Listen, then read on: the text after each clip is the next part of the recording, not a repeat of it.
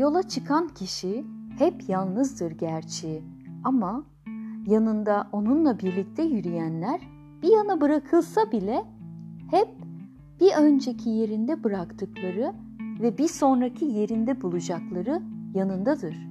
Onunla birliktedir. Yalnız değildir yani tam anlamıyla. Yola çıkan kişinin hep ayağına takılır yerleşikler.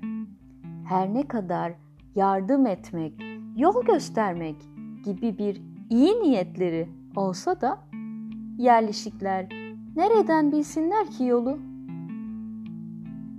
Kişi yola çıktı mı yanında başka kişiler, başka yolcular bulabilirler. Oysa yerleşti mi bulacakları olsa olsa komşulardır.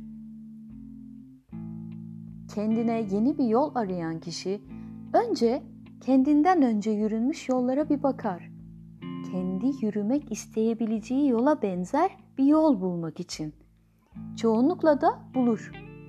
Ama acaba o bulduğu yollar tam da bulduğu yollar olarak kendi aradığı yola aykırı değil mi? Yeni bir yol aramıyor muydu arayan kişi? Ne işi var öyleyse eski yürünmüş yollarda?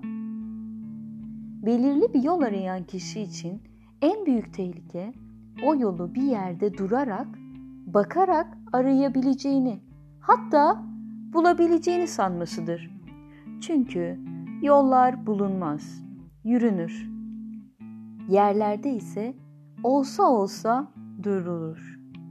Onlar bulunur, artık yürünmez. Yola çıkacak kişinin aşması gereken ilk ve en önemli engel kendi yerleşikliğidir. Kendi yeri kendisidir. Oruç Aroba